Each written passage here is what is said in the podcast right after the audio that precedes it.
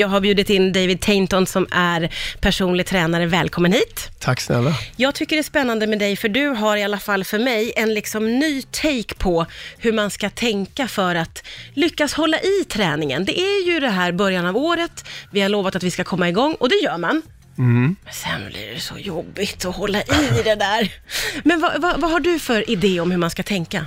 Ehm, ja, det jag tror och tycker, det är väl att ehm, man bör ha fokus på processen, alltså det som gör att man får någonting hållbart som håller i ens träning. Men vad är det då? Om vi ska bena ut, vad, vad, är, vad är själva processen liksom? Det är det, det du gör. Det är självaste träningen. Den dagliga, alltså den vardagliga, eh, det du gör i vardagen, det Ja. du har satt upp eh, på ditt schema.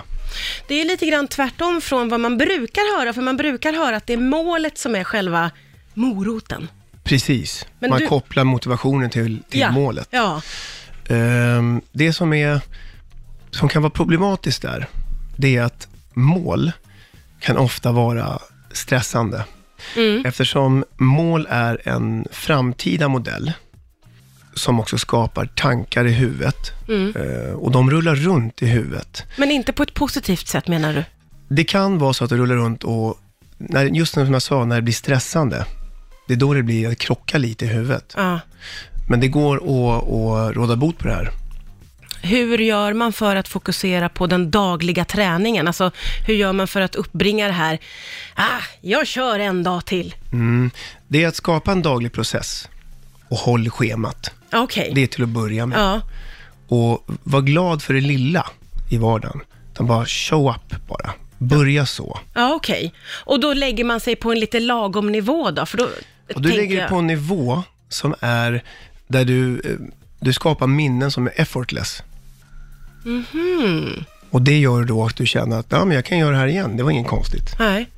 Okej, för det tänker jag också, att man ska ju ta ut sig så in i, att man nästan kräks. Ja. Nej, det ska man inte. Jo, det kan man absolut göra. Om, man, om man trivs med den träningen och tycker Ja. det var kul, Ja. det kan man absolut göra. Men Ja. man behöver inte alltid göra det.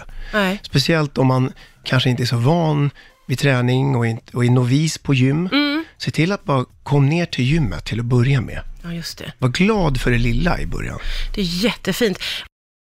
Du säger att man ska fokusera på processen och man ska fokusera på den dagliga rutinen blir viktig, om jag förstår dig rätt. Ja, jag tror det är väldigt viktigt, för det är också kopplat till eh, hållbarhet, ehm, om man har fokus på processen.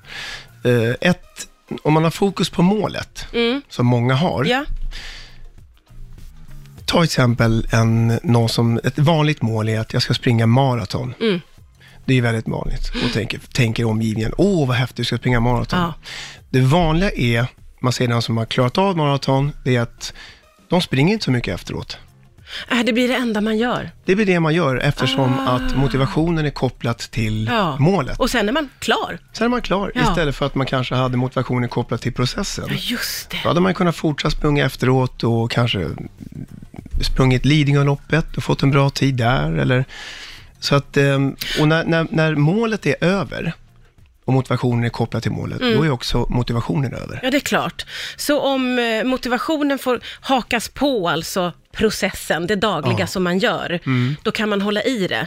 Absolut. Eh, och- Men, men hur, alltså f- förstå mig rätt, hur gör man det? Om man är en sån som tycker att det är lite jobbigt och Mm. lite svårt. Du är inne på lust nu lite. Ja, det är jag kanske. Ja. Jag kanske är det. Precis. Ja. Mm. Om man skulle ta en vältränad person, ehm, de behöver inte alltid lust för att gå och träna. Nej, För lust kommer och går. man Men- har bara Mm. bestämt sig. Men ja, man följer schemat, man går dit, man tränar och lyssnar på de här små signalerna, Mm. vad kroppen säger till en. Eh, och sen är det så att, eh, och har man då, det står på schemat kanske 6 gånger 8 man, men känner man att jag är helt slut i benen, då kör man inte knäböj 6 gånger 8 för det kan, då kan man ådra sig en skada. Eh, man kanske vilar benen då och gör någonting annat. Så man lyssnar begåvat på de här små signalerna, men man stick to the program och man show up till gymmet.